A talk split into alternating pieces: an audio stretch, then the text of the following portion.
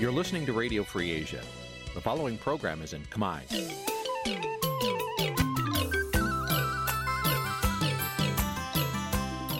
Nǐ chi càm bi tiệp xáy vệt chiu a zì sê ray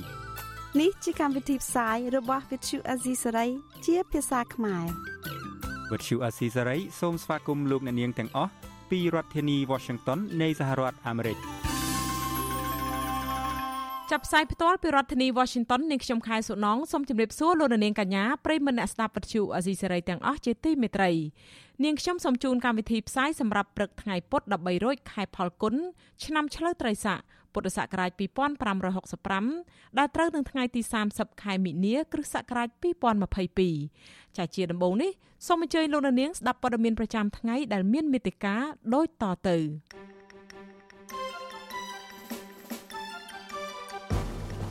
មន្ត្រីសិទ្ធិមនុស្សរបស់អង្គការសហប្រជាជាតិថាលំហសេរីភាពពលរដ្ឋនិងសិទ្ធិនយោបាយនៅកម្ពុជាកាន់តែរួមតូចកោជបសម្រាប់លុបឈ្មោះបេក្ខជនគណៈបកឆន្ទៈខ្មែរ3នាក់ពីបញ្ជីរបស់គណៈបកភ្លើងទៀនក្រុមអង្គការសង្គមស៊ីវិលជាង20ស្ថាប័នដាក់ញត្តិស្នើឲ្យក្រសួងពាក់ព័ន្ធបើកលំហសេរីភាពល្បាតព្រៃឡើងវិញ មន្ត្រីសិទ្ធិមនុស្សអន្តរជាតិថាលោកហ៊ុនសែនអាចប្រឈមនឹងដីកាចាប់ខ្លួនក្នុងសំណុំរឿងគប់ក្របបែកឆ្នាំ1997រួមនឹងព័ត៌មានផ្សេងផ្សេងមួយចំនួនទៀតចាជាបន្តទៅនេះនាងខ្ញុំខែសុណងសូមជូនព័ត៌មានទាំងនេះពឹស្ដា ចាលោករនាងជាទីមេត្រីមន្ត្រីសិទ្ធិមនុស្សរបស់អង្គការសហប្រជាជាតិរាយការណ៍ប្រាប់ក្រុមប្រឹក្សាសិទ្ធិមនុស្សអង្គការសហប្រជាជាតិថាលំហសិទ្ធិមនុស្សនិងសិទ្ធិនយោបាយនៅកម្ពុជាកាន់តែរួមតូចនិងដើរថយក្រោយដោយសារតែការគ្រប់គ្រងបែបឯកបកមន្ត្រីរូបនេះអំពាវនាវឲ្យអាជ្ញាធរទាំងអស់នៅកម្ពុជាគោរពសិទ្ធិមនុស្ស ជាមូលដ្ឋាន និងច្បាប់សិទ្ធិមនុស្សអន្តរជាតិដែលកម្ពុជាជារដ្ឋភាគីរួមទាំងសេរីភាពជាមូលដ្ឋាន ក្នុងការបញ្ចេញមតិនិងការជួបប្រជុំចាប់ពីរដ្ឋធានី Washington លោកមួងណារ៉េតរាយការណ៍ព័ត៌មាននេះអ្នករាយការណ៍ពិសេសនៃអង្គការសហប្រជាជាតិប្រចាំនៅកម្ពុជាលោកវិទិតមុនតាបន ថាទស្សនវិជ្ជាសិទ្ធិមនុស្សនិងលទ្ធិប្រជាធិបតេយ្យនៅក្នុងប្រទេសកម្ពុជា នៅតែបង្កការព្រួយបារម្ភលើវិស័យជាច្រើន ជាពិសេសនៅក្នុងពេលដែលកាន់តែខិតជិតដល់ការបោះឆ្នោតឃុំសង្កាត់ដែលនឹងប្រព្រឹត្តទៅនៅខែមិថុនាខាងមុខនេះទោះជាលោកទទួលស្គាល់ថាកម្ពុជាបានកែលម្អតាក់ទងទៅនឹងសេចក្តីព្រាងច្បាប់ថ្មីថ្មីដើម្បីការពារជនរងគ្រោះ កិច្ចខំប្រឹងប្រែងនៅក្នុងការដោះស្រាយសំណុំរឿងកកស្ទះនៅតុលាការនិងវឌ្ឍនភាពឆ្ពោះទៅរកការបង្កើតគណៈកម្មាធិការជាតិសិទ្ធិមនុស្សរបស់កម្ពុជាជាដើមក្តីក៏លោកថាកម្ពុជានៅមានបញ្ហាជាច្រើនតាក់ទងទៅនឹងការបិទលំហសេរីភាពប្រជាពលរដ្ឋនិងសេរីភាពនិងសិទ្ធិនយោបាយបញ្ហាសវនាការលើសំណុំរឿងដែលមានចរិតនយោបាយនិងការចាប់ខ្លួនអ្នកនយោបាយនិងសកម្មជនបកប្រឆាំងដាក់ពន្ធនាគារជាដើម។ សេចក្តីរាយការណ៍របស់លោកវិទិតមុនតាបូនថ្លែងនៅចំពោះមុខស្ថាប័នសិទ្ធិមនុស្សរបស់អង្គការសហប្រជាជាតិនៅទីក្រុងហ្សឺណែវនៅប្រទេសស្វីសដោយសង្កត់ធ្ងន់ជាពិសេសទៅលើបរាជ័យរបស់កម្ពុជាដែលខកខានមិនបានអនុវត្តតាមស្មារតីនៃកិច្ចព្រមព្រៀងសន្តិភាពទីក្រុងប៉ារីស្តីពីលទ្ធិប្រជាធិបតេយ្យសេរីពហុបកនៅកម្ពុជាឆ្លើយតបទៅនឹងចំណុចអវិជ្ជមានទាំងនេះមន្ត្រីសិទ្ធិមនុស្សរបស់រដ្ឋាភិបាលលោកហ៊ុនសែន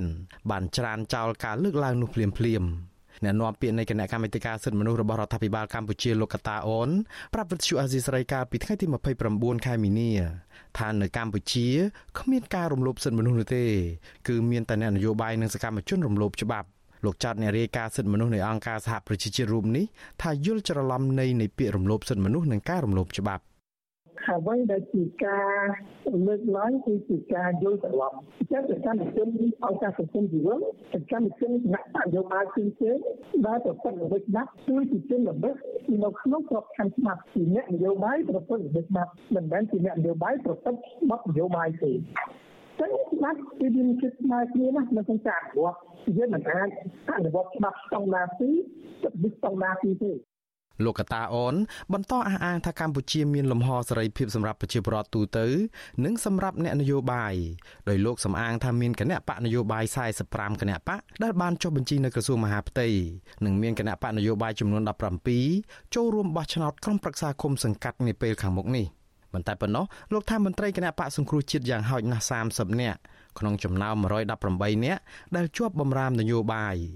បានទទួលនីតិសម្បទាផ្នែកនយោបាយឡើងវិញនិងបើកគណៈបកថ្មីជាហោហែលោកអះអាងថានោះគឺជារូបភាពនៃការបើកចំហសេរីភាពនយោបាយនិងសិទ្ធិមនុស្សនៅកម្ពុជាសម្រាប់គ្រប់គ្នាផ្ទុយពីការលើកឡើងនេះលោកវិទិតមុនតាបនថាមន្ត្រីដែលជាក្បាលម៉ាស៊ីនដឹកនាំគណៈបកសង្គ្រោះជាតិជាច្រើនរូបនៅតែជាប់បំរាមនយោបាយនិងមន្ត្រីរួមទាំងសកម្មជនបកប្រឆាំងជាច្រើនត្រូវបានតឡាការផ្ដន្ទាទោស ឲ្យជាប់ពន្ធនាគារជាច្រើនឆ្នាំនិងរឿងក្តីជាច្រើនទៀតពាក់ព័ន្ធនឹងមន្ត្រីបកប្រឆាំងកំពុងតែស្ថិតនៅក្នុងដៃតុលាការនៅឡើយស្របពេលដែលមន្ត្រីសិទ្ធិមនុស្សរបស់រដ្ឋាភិបាលលោកហ៊ុនសែនអះអាងថារដ្ឋាភិបាលកម្ពុជាមិនបានរំលោភសិទ្ធិមនុស្សរូបភាពនៃការធ្វើទុកបុកម្នេញនិងការរឹតបន្តឹងសិទ្ធិសេរីភាពចំពោះអ្នកតវ៉ាសិទ្ធិការងារនិងសហជីពដូចជាកោដកក្រុមហ៊ុនបនលបៃ Naga World នៅតែបន្តកើតមានរាល់ថ្ងៃ នៅក្នុងពេលជាមួយគ្នានេះអ្នកតស៊ូមតិដើម្បីសិទ្ធិសេរីភាពនិងការគោរពសិទ្ធិមនុស្សដូចជាកញ្ញាសេងធីរីក៏បន្តរងការធ្វើទុកបុកម្នេញតាមផ្លូវតុលាការនិងការគំរាមកំហែងគ្រប់រូបភាពពីអាជ្ញាធរនិងមន្ត្រីបកកណ្ដាលអំណាចនៅក្នុងថ្ងៃដែលអ្នករាយការណ៍ពិសេសថ្លែងសារនៅអង្គការសហប្រជាជាតិនៅឯទីក្រុងហ្សឺណែវនោះនៅឯកម្ពុជាឯណោះអាញាធរកំពុងធ្វើទុកបុកម្នេញប្រជាពលរដ្ឋ បុគ្គលិកក្រុមហ៊ុន Naga World ដែលជាកោដកត្រូវក្រុមអាជ្ញាធរធ្វើបាបនិងរារាំងមិនឲ្យធ្វើកោតកម្មតវ៉ាទាមទារសិទ្ធិការងារនិងសហជីពកញ្ញាសេងធីរីដែលហ៊ានរិះគន់រដ្ឋាភិបាលលោកហ៊ុនសែនឥតសំចៃមាត់និងជាសកម្មជនសង្គមនិងធ្លាប់គាំទ្រគម្រោងមាតុភូមិនិវត្តរបស់លោកសំរងស៊ីកាលពីឆ្នាំ2019នោះត្រូវមន្ត្រីបកកាន់អំណាចគំរាមចាត់ការជាចំហតាម Facebook រដ្ឋលេខាធិការក្រសួងព័ត៌មាន និងជាមន្ត្រីជាន់ខ្ពស់គណៈបកកណ្ដាលអំណាចផងនោះ គឺលោកជុំកសល ដែលជាឧបករណ៍ឃោសនារបស់លោកហ៊ុនសែនលោកបានសរសេរសារនៅលើកណនី Facebook របស់លោកកាលពីថ្ងៃទី29ខែមីនាដោយប្រដូចកញ្ញាសេងធីរីទៅនឹងមេរោគ COVID-19 ដែលលោកចោទថាជាមេរោគសង្គមដែលគួរតែរកវិធីការពារកុំឲ្យរីកសាយភីធំបានកញ្ញាសេងធីរីចាត់ទុកចេតនានៃការគម្រាមកំហែងជាចំហនេះមិនមែនធ្វើឡើងដោយចៃដន្យនោះទេកញ្ញាថាលោកជុំកសលចេញសារគម្រាមនេះនៅក្នុងថ្ងៃដែលអ្នករាយការណ៍ពិសេស ថ្លែងសារអំពីស្ថានភាពអាក្រក់ផ្នែកសិទ្ធិមនុស្សនៅកម្ពុជាកញ្ញាយល់ថាសាររបស់មន្ត្រីបកកណ្ដាលអំណាចរូបនេះគឺជាចេតនាចង់បំបិតមាត់អ្នកហ៊ានចេញមុខតវ៉ាទាមទារសិទ្ធិសេរីភាព និងយុត្តិធម៌សង្គមដែលនៅសល់ពីរក្រុមគឺក្រុមកោតក្រក្រុមហ៊ុន Nagavel និងក្រុមរបស់កញ្ញា ខ្ញុំឮថាមិនមែនត្រឹមតែគាត់ទេប៉ុន្តែមានមន្ត្រីគណៈបកប្រជាជនផ្សេងផ្សេងទៀតគេបានប្រើភាសាស្តៀងស្តៀងគ្នានៅក្នុងការបង្ហោះរូបភាពខ្ញុំ នៅក្នុងពេលវេលាតែមួយដែលតេតិនជាមួយសាររបស់អ្នករាយការណ៍ពិសេស UN បើទោះបីជារងការបំផិតបំភ័យនិងគំរាមកំហែងយ៉ាងនេះក្តីក៏កញ្ញាសេងធីរីអះអាងថាកញ្ញាមិនញញើតនិងចោះញោមនោះឡើយព្រោះអ្វីដែលកញ្ញាកំពុងតែធ្វើគឺជាទង្វើស្របច្បាប់និងជាសិទ្ធិសេរីភាពស្របតាមរដ្ឋធម្មនុញ្ញកម្ពុជានិងច្បាប់អន្តរជាតិរបបផ្ដាច់ការយើងដឹងហើយពួកគាត់ខ្លាចពន្លឺហើយពន្លឺនឹងជាការពិតជាសេរីភាព ជាការអនុវត្តសិទ្ធិរបស់ប្រជាពលរដ្ឋ ចុងក្រោយគាត់ខ្លាចប្រជាពលរដ្ឋពិសេសប្រជាពលរដ្ឋត្រឹមត្រូវប្រជាពលរដ្ឋអង្គអាចក្លាហានហើយចេះរបៀបនៅក្នុងការតស៊ូដោយសន្តិវិធី ខ្ញុំនឹងបន្តសកម្មភាពរបស់ខ្ញុំនៅក្នុងការតស៊ូមតិនៅក្នុងការឆ្លើយតបទៅអយុត្តិធម៌ពីព្រោះខ្ញុំមិនអាចអត់ធ្វើបានខ្ញុំត្រូវការតែធ្វើចា៎ការគម្រាមកំហែងពីមន្ត្រីបកកណ្ដាលអំណាចនិងការប្រើប្រាស់តុលាការជាឧបករណ៍នយោបាយដើម្បីធ្វើទុកបុកម្នេញសម្លេងប្រឆាំងនិងសកម្មជនសង្គមបានคล้ายទៅជារឿងសាមញ្ញនៅក្នុងសង្គមខ្មែរក្រោមការគ្រប់គ្រងប្រទេសតាមបែបឯកបៈនេះ។ មន្ត្រីសិទ្ធិមនុស្សនៅក្នុងស្រុកក៏យល់ថាស្ថានភាពសិទ្ធិមនុស្សនិងប្រជាធិបតេយ្យនៅកម្ពុជាមិនមានភាពល្អប្រសើរនោះឡើយអ្នកនាំពាក្យសមាគមសិទ្ធិមនុស្សអាត់ហុកលោកសឹងសានករណាសោកស្ដាយដែលមន្ត្រីរដ្ឋាភិបាលកម្ពុជាតែងតែទាត់ចោលរបាយការណ៍រំលោភសិទ្ធិមនុស្សដែលស្រាវជ្រាវនិងចងក្រងដោយអ្នករាយការណ៍ពិសេសផ្នែកសិទ្ធិមនុស្សនិងរកវិធីឆ្លើយដោះសារជាជាងដោះស្រាយបញ្ហា លោកថាវិធីសាស្ត្រដោះសារបែបនេះលែងមានប្រសិទ្ធភាពហើយនៅក្នុងសម័យបច្ចេកវិទ្យាទំនើបដែលប្រជាពលរដ្ឋជាច្រើនចេះប្រើប្រាស់បណ្ដាញសង្គមដើម្បីទទួលបានព័ត៌មានពីបញ្ហាសង្គមនោះលោកស្នើឲ្យមន្ត្រីរដ្ឋាភិបាលកែប្រែអេរិយាប័ត្របែបនេះដើម្បីចេះទទួលយកការពិតនិងរកវិធីដោះស្រាយដើម្បីប្រយោជន៍ប្រជាពលរដ្ឋខ្មែរទូទៅគេមើលឃើញអំពីអ្វីដែលជាការរំលោភសិទ្ធិមនុស្សនឹងឯងហើយគាត់ ចេះតែកិច្ចបេះអញ្ចឹងវាមិនមែនជាដំណោះស្រាយទេចឹងខ្ញុំគិតថាទទូចឲ្យមានការសិក្សាឡើងវិញហើយចេះទទួលយកហើយធ្វើការកែលម្អឲ្យវាល្អប្រសើរឡើងអានឹងជារឿងដែលត្រឹមត្រូវហើយគួរធ្វើកម្ពុជារងទណ្ឌកម្មជំទឹះពីសហគមន៍អន្តរជាតិរឿងមិនព្រមស្ដារសិទ្ធិមនុស្សនិងប្រជាធិបតេយ្យឡើងវិញក្រោយរំលាយគណៈបកសង្គ្រោះជាតិចោទប្រកាន់លោកកម្មសខាពីបទក្បត់ជាតិ បិទប្រព័ន្ធផ្សព្វផ្សាយឯករាជ្យនិងបណ្ដេញអង្គការសង្គមស៊ីវិលជាដើមខ្ញុំបាទមុងណារ៉េត With you Aziz Ray ប្រធានាទី Washington ចាលោកនាងកញ្ញាជាទីមេត្រី មកទល់នឹងឆ្នាំ2022នេះលោកហ៊ុនសែនកាន់អំណាចបានជាង37ឆ្នាំហើយការដែលលោកកាន់អំណាចបានយូរបែបនេះគឺមកពីលោកជាមេដឹកនាំដ៏ឆ្លាតវៃសង្រកគូប្រៀបមិនបានមួយរូបក្នុងចំណោមមេដឹកនាំផ្ដាច់ការទាំងឡាយនៅក្នុងប្រវត្តិសាស្ត្រពិភពលោក អ្វីត្បិតតែក្នុងរយៈកាលកាន់អំណាចជិត40ឆ្នាំនេះលោកហ៊ុនសែនធ្លាប់សាងកំហុសដែលធ្វើឲ្យលោកហៀបនឹងបាត់បង់អំណាចម្ដងជាពីរដងក្តីតែលោករៀនសូត្រពីកំហុសទាំងនោះទាន់ពេលវេលា ហើយផ្លាស់ប្ដូរយុទ្ធសាស្ត្រដើម្បីឲ្យលោកនៅតែបន្តកាន់អំណាចបានដដែល ចាសសូមលោកនាង រងចាំស្ដាប់បទវិភាគមួយរបស់លោកជុនច័ន្ទបុត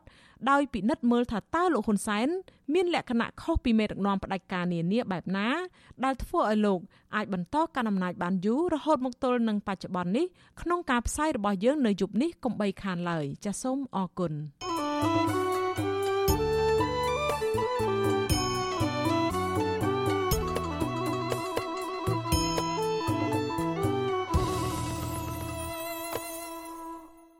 ចាលោករនាងកញ្ញាជាទីមេត្រីចាតកតងទៅនឹងការបោះឆ្នោតជ្រើសរើសក្រុមប្រឹក្សាឃុំសង្កាត់វិញក្រុមប្រឹក្សាជំនុំជម្រះនៃកោជប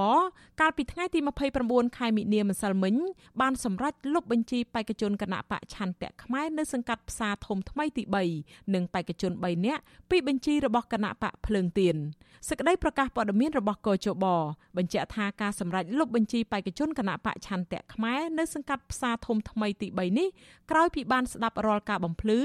និងពិនិត្យពិចារណាគ្រប់អង្គហេតុទៅតាមបណ្ដឹងរបស់ពលរដ្ឋម្នាក់ឈ្មោះសុកពងច័ន្ទវិសុទ្ធដែលបានប្តឹងសុំលុបឈ្មោះបេក្ខជន10រូបនិងសុំលុបបញ្ជីបេក្ខជនដំបូងនៃគណៈបកនេះតែទោះជាយ៉ាងណាកោចបមិនបានបញ្ជាក់លម្អិតអំពីការរកឃើញនិងមូលហេតុដែលនាំឲ្យលុបបញ្ជីឈ្មោះបេក្ខជនគណៈបកនេះឡើយដោយគ្រាន់តែថាតំណាងគណៈបកឆន្ទៈខ្មែរអវត្តមាននៅក្នុងពេលសវនាការ ចាតកតងទៅនឹងបញ្ជីបេក្ខជននៅសង្កាត់ផ្សារធំថ្មីទី3នេះដែរក្នុងថ្ងៃដដែលនោះកជបក៏បានសម្រេចលុបឈ្មោះបេក្ខជនគណៈបកភ្លើងទៀនចំនួន3នាក់ចេញពីបញ្ជីរួមមានឈ្មោះណូចសារ៉ុមណូចតារា និងហែនស្រីលក្ខក្រៅពីនេះក៏ជបសម្រាប់រក្សាបញ្ជីបេក្ខជនដំបូងរបស់គណៈបកភ្លើងទៀននៅសង្កាត់វាលវងនិងសង្កាត់សម្បួរមាសក្រុងកំពង់ចាមខេត្តកំពង់ចាមនិងនៅសង្កាត់ផ្សារធំថ្មីទី3ក្នុងរាជធានីភ្នំពេញទុកជាបានការ។ ក៏ជបបញ្ជាក់ទៀតថាសេចក្តីសម្រេចនេះបន្ទាប់ពីបានស្ដាប់ការបំភ្លឺរបស់មេធាវី និងពិនិត្យពិចារណាគ្រប់អង្គហេតុនិងបានពិភាក្សាស្របតាមច្បាប់បោះឆ្នោតក្រុមប្រឹក្សាឃុំសង្កាត់ប័ណ្ណបញ្ជា និងនីតិវិធីសម្រាប់ការបោះឆ្នោតនេះការសម្រេចនេះជាការសម្រេចបិទផ្លូវតវ៉ាអាស៊ីសេរី ចាលោករនាងកញ្ញាជាទីមេត្រីចាសក្តីរាយការណ៍តាក់ទងទៅនឹងគណៈបកនយោបាយដែរសង្គមស៊ីវិលលើកឡើងថាអាញាធមមូលដ្ឋានមួយចំនួននៅតែរំលោភបំពានទូនីតិនិងអព្យាក្រឹតភាពរបស់ខ្លួនដែលនាំឲ្យពួកគេលំអៀងនិងរើសអើងនិន្នាការនយោបាយជាពិសេសគម្រាមកំហែងគណៈបកនយោបាយដែលជាដៃគូប្រកួតប្រជែងដោយមិនខ្វល់ពីការណែនាំរបស់រដ្ឋាភិបាល។ ការលើកឡើងនេះគឺបន្ទាប់ពីរដ្ឋមន្ត្រីក្រសួងមហាផ្ទៃលោកសខេងបន្តណែនាំអាជ្ញាធរថ្នាក់ក្រោមទូទាំងប្រទេសត្រូវបំពេញមុខងារសាធារណៈឲ្យម៉ត់ចត់ និងទទួលខុសត្រូវចំពោះមុខច្បាប់ព្រមទាំងទប់ស្កាត់អំពើហិង្សា និងការបង្កអសន្តិសុខនិងអស្ថិរភាពសង្គមនៅមុននិងរហូតដល់ក្រោយការបោះឆ្នោតចាអ្នកស្រីសុជីវីរាយការណ៍អំពីរឿងនេះស្របពេលដែលការបោះឆ្នោតកាន់តែខិតជិតចូលមកដល់សកម្មជនគណបកនយោបាយនៅតាមរាជធានីខេត្ត ត្រូវបានអាជ្ញាធរគណៈបកកាន់អំណាចរារាំងនិងគម្រាមកំហែងជាបន្តបន្ទាប់មន្ត្រីសង្គមស៊ីវិលយល់ថាប្រសិនបើបរិយាកាសនៅតែបន្តអាប់អួរបែបនេះដំណើរការបោះឆ្នោតក្រុមប្រឹក្សាឃុំសង្កាត់ឆ្នាំ2022នេះនឹងមិនប្រកបដោយសេរី ត្រឹមត្រូវនិងយុត្តិធម៌ឡើយអ្នកសម្របសម្រួលផ្នែកអង្កេតនឹងតស៊ូមតិនៃអង្គការ Confrel លោកកនសវាងថ្លែងថាតាមគោលការណ៍ប្រជាធិបតេយ្យ ការប្រកួតប្រជែងតាមរយៈការបោះឆ្នោតដោយសេរីនិងយុត្តិធម៌អាជ្ញាធរមានសមត្ថកិច្ចត្រូវបំពេញតួនាទីដោយស្មារភាពនិងស្របច្បាប់លោកថាកន្លងទៅ មេឃុំមេភូមិប៉ូលីសឃុំមួយចំនួន បានប្រើប្រាស់តួនាទីរបស់ខ្លួនទាំងបំពានច្បាប់ដោយរដ្ឋបិទនិងគម្រាមកំហែងសកម្មជនគណៈបកនយោបាយដែលមាននិន្នាការផ្ទុយពីបកកាន់អំណាចដោយមិនខ្វល់ទៅនឹងសារាចរណែនាំរបស់ថ្នាក់ដឹកនាំរដ្ឋាភិបាលឡើយលោកបញ្ជាក់ថាបញ្ហាទាំងនេះ បង្ហាញពីរូបភាពលំអៀងផ្នែកនយោបាយហើយប្រសិនបើស្ថាប័នពាក់ព័ន្ធមិនចាត់វិធានការទប់ស្កាត់ឲ្យមានប្រសិទ្ធភាពទេនឹងប៉ះពាល់ដំណើរការបោះឆ្នោតខាងមុខលោកកនសវាងជំរុញឲ្យគណៈកម្មការសន្តិសុខអចិន្ត្រៃយ៍សម្រាប់ការបោះឆ្នោតមកពីអន្តរក្រសួងនិងស្ថាប័នគួរពិនិត្យនិងពង្រឹងការអនុវត្តច្បាប់ចំពោះសកម្មភាពមន្ត្រីសាធារណៈទាំងនោះឲ្យបានត្រឹមត្រូវឡើងវិញ ការប្រព្រឹត្តដោយមិនមានគេហៅថាការដាក់ទោសទណ្ឌណាការអនុវត្តឲ្យបានម៉ត់ចត់ទៅលើអ្នកទាំងអស់នោះដែលប្រព្រឹត្តទោសកំហុសនឹងថាចាត់ទុកថាជាការប្រព្រឹត្តដោយធ្ងន់ធ្ងរដែលរំលោភទៅលើសិទ្ធិសេរីភាពនឹងឲ្យបានខ្លាំងក្លាទេគាត់មិនសូវជាខ្វល់ទេបាទចំណែកអនុប្រធានគណៈបកភ្លើងទៀនលោកថៃសិដ្ឋាវិញលោកថ្លែងថាបរិយាកាសនយោបាយ ដែលមានសកម្មជននិងបេក្ខជនឆោឈ្មោះបោះឆ្នោតឃុំសង្កាត់មួយចំនួនកំពុងរងការគំរាមកំហែងបំបាក់ស្មារតីគ្រប់រូបភាពពីសំណាក់អាជ្ញាធរនៅតាមមូលដ្ឋានជាបន្តបន្ទាប់បែបនេះបើទោះបីជារដ្ឋាភិបាលចេញបទបញ្ជាឬបង្កើតគណៈកម្មការដែលមកពីស្ថាប័នណាក៏ដោយក៏មិនមានប្រសិទ្ធភាពដដែលពីព្រោះលោកសង្កេតឃើញថាអាជ្ញាធរមូលដ្ឋានមិនបានអនុវត្តទួលនីតិតាមច្បាប់ដើម្បីធានាការប្រកួតប្រជែងដោយត្រឹមត្រូវនោះទេ លោកចាត់ទុកវិធានការរបស់រដ្ឋាភិបាលនិងស្ថាប័នអនុវត្តច្បាប់នោះគឺធ្វើឡើងដើម្បីឲ្យល្អមើលចំពោះមុខមតិជាតិនិងអន្តរជាតិដែលកំពុងឃ្លាំមើលដំណើរការបោះឆ្នោតតែប៉ុណ្ណោះ។ កន្លងមកហ្នឹងស្ដាប់តែរបាយការណ៍តែប៉ូលីសនឹងគ្រាន់តែអា Facebook 2 3បន្ទាត់យកទៅប៉ណ្ដឹងគេចាប់គេដាក់គុកដាក់តឡាការដែរទៅគ្រាន់តែប៉ណ្ដឹងថានេះឯកសារមិនត្រឹមត្រូវមេដៃคล้ายคล้ายអីតើមានការសង្សើបង្កើតអីចាប់គេដាក់គុកទៅគេថាមិនបានស្ម័គ្រចិត្តមកអីហ្នឹងគាត់គាត់ប្រកាន់ប៉ណ្ដឹងគេទៅនៅលើតែពួកគាត់ទាំងអស់ហ្នឹងអញ្ចឹងដើម្បីតម្លាភាពមែនតែនហើយដើម្បីបង្ហាញថាមានឆន្ទៈមានបេះដូងទលាយមែនបង្កើតទៅមានការចូលរួមទៅហើយយើងជជែកទាំងអស់គ្នាហើយទៅមើលជាក់ស្ដែងទៅកុំឲ្យគេថា ប្រតិកម្មរបស់មន្ត្រីសង្គមស៊ីវិលនិងគណៈបកនយោបាយនេះគឺបន្ទាប់ពីរដ្ឋមន្ត្រីក្រសួងមហាផ្ទៃលោកសខេងថ្លែងនៅក្នុងកិច្ចប្រជុំផ្សព្វផ្សាយផែនការអន្តរស្ថាប័នស្ដីពីកិច្ចការពិនិត្យបញ្ជីឈ្មោះនិងការបោះឆ្នោតថ្នាក់ជាតិថ្នាក់ក្រោមជាតិតាមប្រព័ន្ធវីដេអូកាលពីថ្ងៃទី28ខែមិនិនាដោយបានណែនាំឲ្យអាជ្ញាធរនៅទូទាំងប្រទេសត្រូវបំពេញមុខងារសាធារណៈរបស់ខ្លួនឲ្យបានហ្មត់ចត់និងទទួលខុសត្រូវចំពោះមុខច្បាប់ ជាមួយគ្នានោះលោកថាអញ្ញាធរត្រូវទប់ស្កាត់អំពើកេងចំណេញពីការប្រកួតប្រជែងខាងនយោបាយព្រមទាំងបញ្ជៀសនៅអំពើហិង្សាការបង្កអសន្តិសុខនិងអស្ថិរភាពសង្គមជុំវិញដំណាក់កាលបោះឆ្នោត។ កម្លាំងមានសមត្ថកិច្ចទាំងអស់ត្រូវមានអព្យាក្រឹតភាពនិងគោរពឲ្យបានត្រឹមត្រូវតាមច្បាប់ស្តីពីការបោះឆ្នោតបទបញ្ជានីតិវិធីសម្រាប់ការបោះឆ្នោតនិងក្រមសីលធម៌អ្នកងារសន្តិសុខបោះឆ្នោតដោយត្រូវបង្កលក្ខណៈងាយស្រួលនិងផ្ដល់សេវាសន្តិសុខដល់គ្រប់គណៈបកនយោបាយបេក្ខជនទាំងអស់តំណាងគណៈបកនយោបាយវាគ្មិនអ្នកសង្កេតការជាតិអន្តរជាតិនិងប្រជាពលរដ្ឋគ្រប់រូបប្រកបដោយតម្លាភាពនិងគ្មានការរើសអើងទោះ ជាយ៉ាងណានាយកប្រតិបត្តិអង្គការឃ្លាំមើលការបោះឆ្នោតនៅកម្ពុជាហៅកាត់ថា NICFIX លោកសំគុណធីមីសង្កេតឃើញថាកន្លងមកការបំពេញមុខងាររបស់មន្ត្រីរាជការស៊ីវិល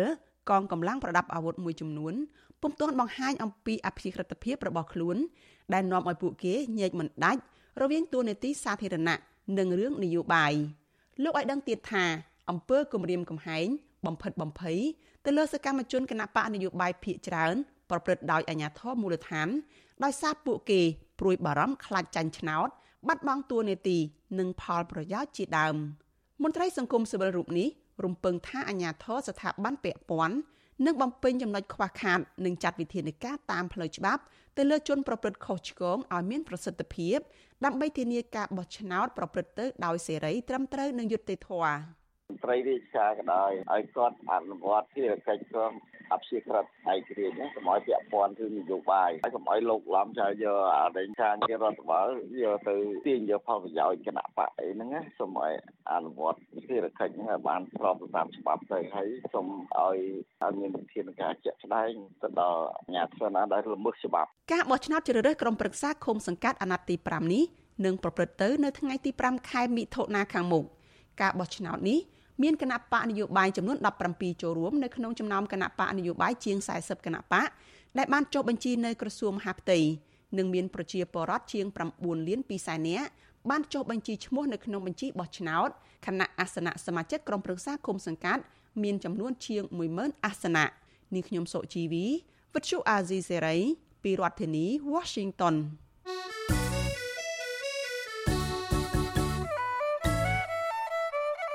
ចាលោករនាងកញ្ញាជាទីមេត្រីចាក្រៅពីលោករនាងទស្សនាការផ្សាយផ្ទាល់របស់វិទ្យុអាស៊ីសេរីលើបណ្ដាញសង្គម Facebook និង YouTube នេះចាលោករនាងក៏អាចស្ដាប់ការផ្សាយផ្ទាល់ដំណើរគ្នានេះតាមវិទ្យុរលកធាតុអាកាសខ្លីឬ Shortwave តាមកម្រិតនិងកម្ពស់ដូចតទៅនេះពេលព្រឹកចាប់ពីម៉ោង5កន្លះដល់ម៉ោង6កន្លះតាមរយៈវិទ្យុរលកធាតុអាកាសខ្លី12140 kHz ស្មើនឹងកម្ពស់ 25m និង13715 kHz ស្មើនឹងកម្ពស់ 22m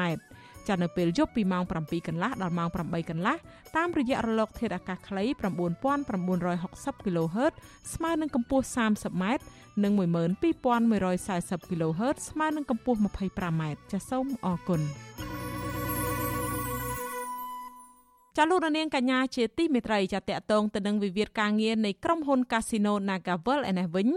ក្រសួងការងារបានជូនដំណឹងថាក្រសួងព្យាយាមសម្របសម្រួលដោះស្រាយទំនាស់របស់ក្រុមហ៊ុន Nagavel បន្តទៀតទោះបីជាការដោះស្រាយកាលពីថ្ងៃទី29ខែមិនិនាមិនទទួលបានជោគជ័យក្តីសេចក្តីជូនដំណឹងរបស់ក្រសួងការងារកាលពីថ្ងៃទី29ខែមិនិនាម្សិលមិញបញ្ជាក់ថាក្រោយពីបានពិភាក្សាគ្នាយ៉ាងផុសផុលរវាងភាគីសហជីពនិងតំណាងក្រុមហ៊ុននោះ ភាគីទាំងពីរបានឯកភាពគ្នាពីចំណុចសំខាន់ ទី1គឺភាគីទាំងពីរមិនទាន់ឈានដល់ចំណុចឯកភាពគ្នានៅឡើយទី2កំណត់កាលបរិច្ឆេទប្រជុំបន្ទាប់នៅថ្ងៃពុធទី6ខែមេសាវេលាម៉ោង2:30នាទីដើម្បីឲ្យភាគីទាំងពីរមានឱកាសពិចារណាឡើងវិញអំពីលទ្ធផល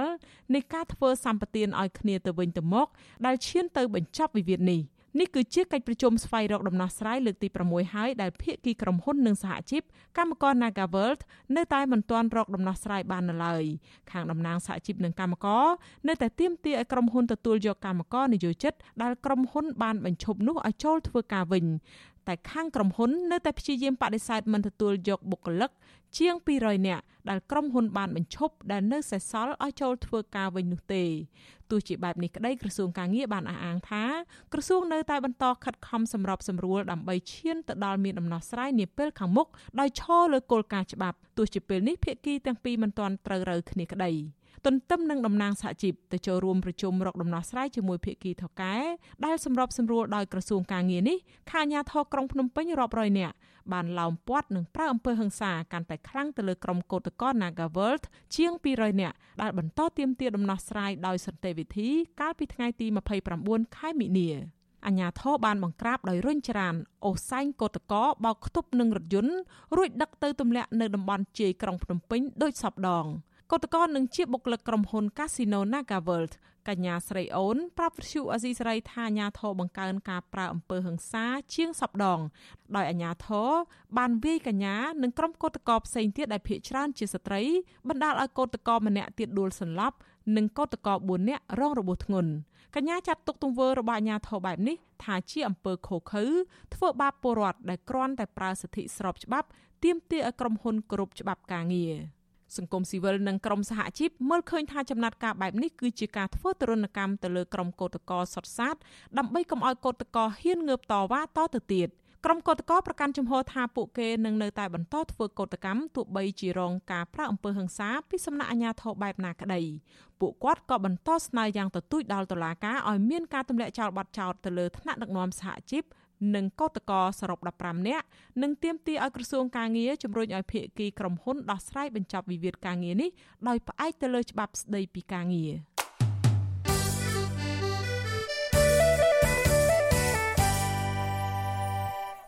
ចាលោករនាងកញ្ញាជាទីមេត្រីចាតកតងទៅនឹងរឿងបរិស្ថានដែលក្រុមអង្គការសង្គមស៊ីវិលអ្នកស្រឡាញ់បរិស្ថាននិងប្រជាសហគមន៍ជនជាតិដើមភាគតិចជាង20ស្ថាប័នបានដាក់ញត្តិជាថ្មីទៀតបង្ហាញការព្រួយបារម្ភពីការរឹតបន្តឹងសិទ្ធិសេរីភាពពលរដ្ឋសហគមន៍មូលដ្ឋាន និងអង្គការសង្គមស៊ីវិលដែលរកឃើញបាត់ល្មើសព្រៃឈើក្នុងតំបន់ការពារធម្មជាតិ ពួកគេទទូចឲ្យក្រសួងពាក់ព័ន្ធត្រូវបើកលំហសិទ្ធិសេរីភាពចុះល្បាតព្រៃ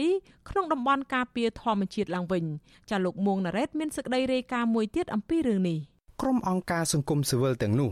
រួមមានសមាគមបណ្ដាញយុវជនកម្ពុជា អង្គការពន្លកខ្មែរអង្គការស្ពានសន្តិភាពបណ្ដាញព្រៃព្រះរកាអង្គការជនជាតិដើមភាគតិច និងបណ្ដាញសហគមន៍ការពារព្រៃឡង់ជាដើម ការដាក់ញត្តិនេះធ្វើឡើងក្រោយពីក្រសួងរដ្ឋបិតពួកគេមិនអោយល្បាតព្រៃជិត3ឆ្នាំមកហើយធ្វើឲ្យបាត់ល្មើសព្រៃឈើកើនឡើងយ៉ាងច្រើនសន្ធឹកសន្ធាប់នៅក្នុងដែនជម្រកសត្វព្រៃឡង់និងតំបន់ការពារធម្មជាតិផ្សេងទៀតរីឯក្រសួងកសិកម្មក្រសួងនេះបន្តអនុញ្ញាតឲ្យក្រុមហ៊ុនឯកជនបើកទីតាំងប្រមូលឈើខ្នាតធំនៅគៀកដែនជម្រកសត្វព្រៃឡង់ដែលគ្រប់គ្រងដោយក្រសួងបរិស្ថាននៅឯខេត្តព្រះវិហារនិងខេត្តកញ្ចេះ ញត្តិនេះមានសំណូមពរចំនួន3ទំព័រដែលក្រុមអ្នកស្រឡាញ់ធនធានធម្មជាតិទាំងនេះដាក់ជូនរដ្ឋមន្ត្រីក្រសួងបរិស្ថានលោកសាយសំអាលនិងរដ្ឋមន្ត្រីក្រសួងកសិកម្មលោកវែងសខុននៅទីស្តីការក្រសួងទាំងនេះនៅក្នុងរាជធានីភ្នំពេញនៅព្រឹកថ្ងៃទី29ខែមីនាមន្ត្រីជាន់ខ្ពស់ផ្នែកតស៊ូមតិសមាគមបណ្ដាញយុវជនកម្ពុជាលោកសាន់ម៉ាឡាឲ្យដឹងកាលពីថ្ងៃទី29ខែមីនានោះថាមន្ត្រីខុទ្ទកាល័យក្រសួងបរិស្ថាននិងក្រសួងកសិកម្ម បានទទួលញត្តិពួកគេរួចទៅហើយនិងសន្យាថាផ្ដល់លទ្ធផលតាមក្រោយប្រសិនបរដ្ឋមន្ត្រីសម្រេចបែបណានោះលោកបញ្ជាក់ថាគោលបំណងសំខាន់នៃញត្តិនេះគឺចង់ឲ្យអន្តរក្រសួងអនុវត្តតាមការបដិញ្ញាចិត្តរបស់ខ្លួននៅក្នុងការអភិរក្សព្រៃឈើនិងត្រូវធានាពីសិទ្ធិសេរីភាពចូលរួមល្បាតព្រៃដោយគ្មានការរារាំងនិងការគំរាមកំហែង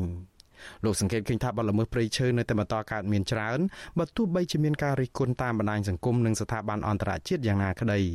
ប្រការនេះលោកចាត់ទុកថាក្រសួងបរិស្ថាននិងក្រសួងកសិកម្មពុំមានចេតនាពិតប្រាកដដើម្បីថែរក្សានិងការពារព្រៃឲ្យនៅគង់វង្សតាមការបដិញ្ញាចិត្តរបស់ខ្លួននោះទេ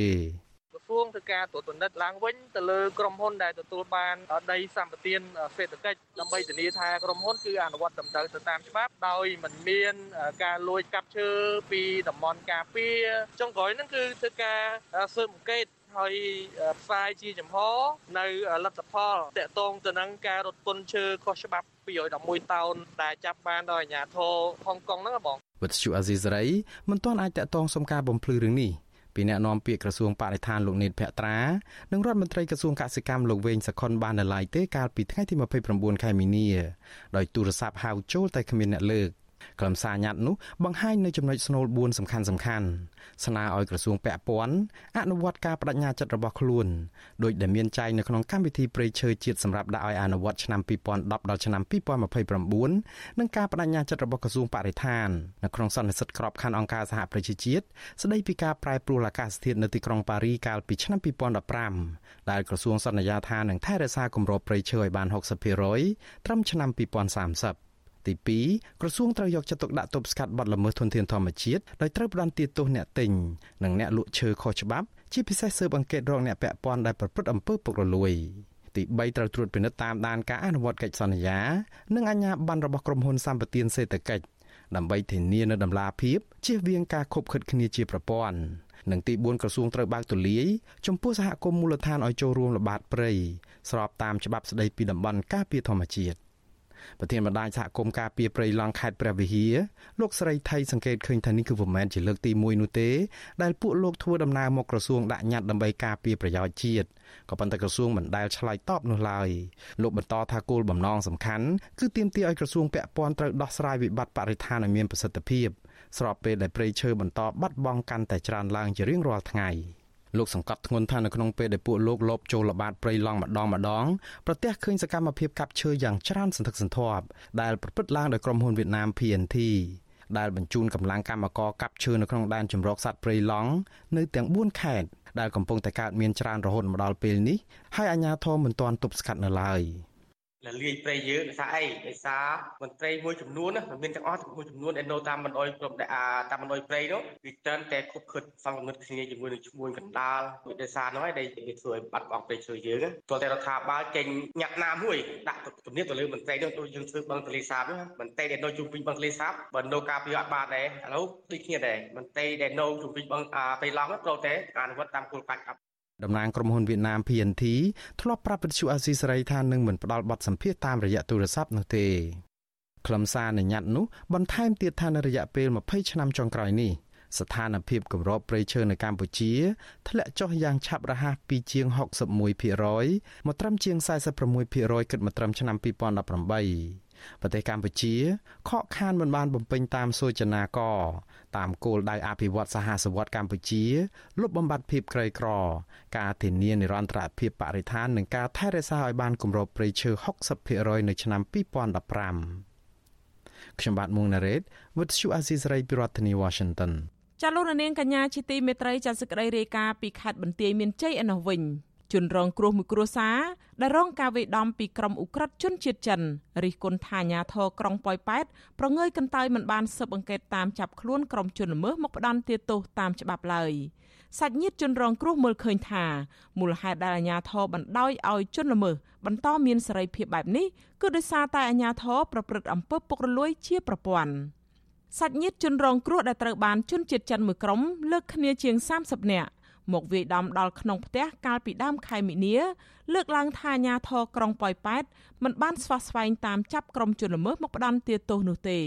ម្ដាយស្ត្រីរងគ្រោះគឺលោកស្រីរ៉ានីអះអាងប្រាប់វិទ្យុអេស៊ីស្រីនៅថ្ងៃទី29ខែមិនិនាថា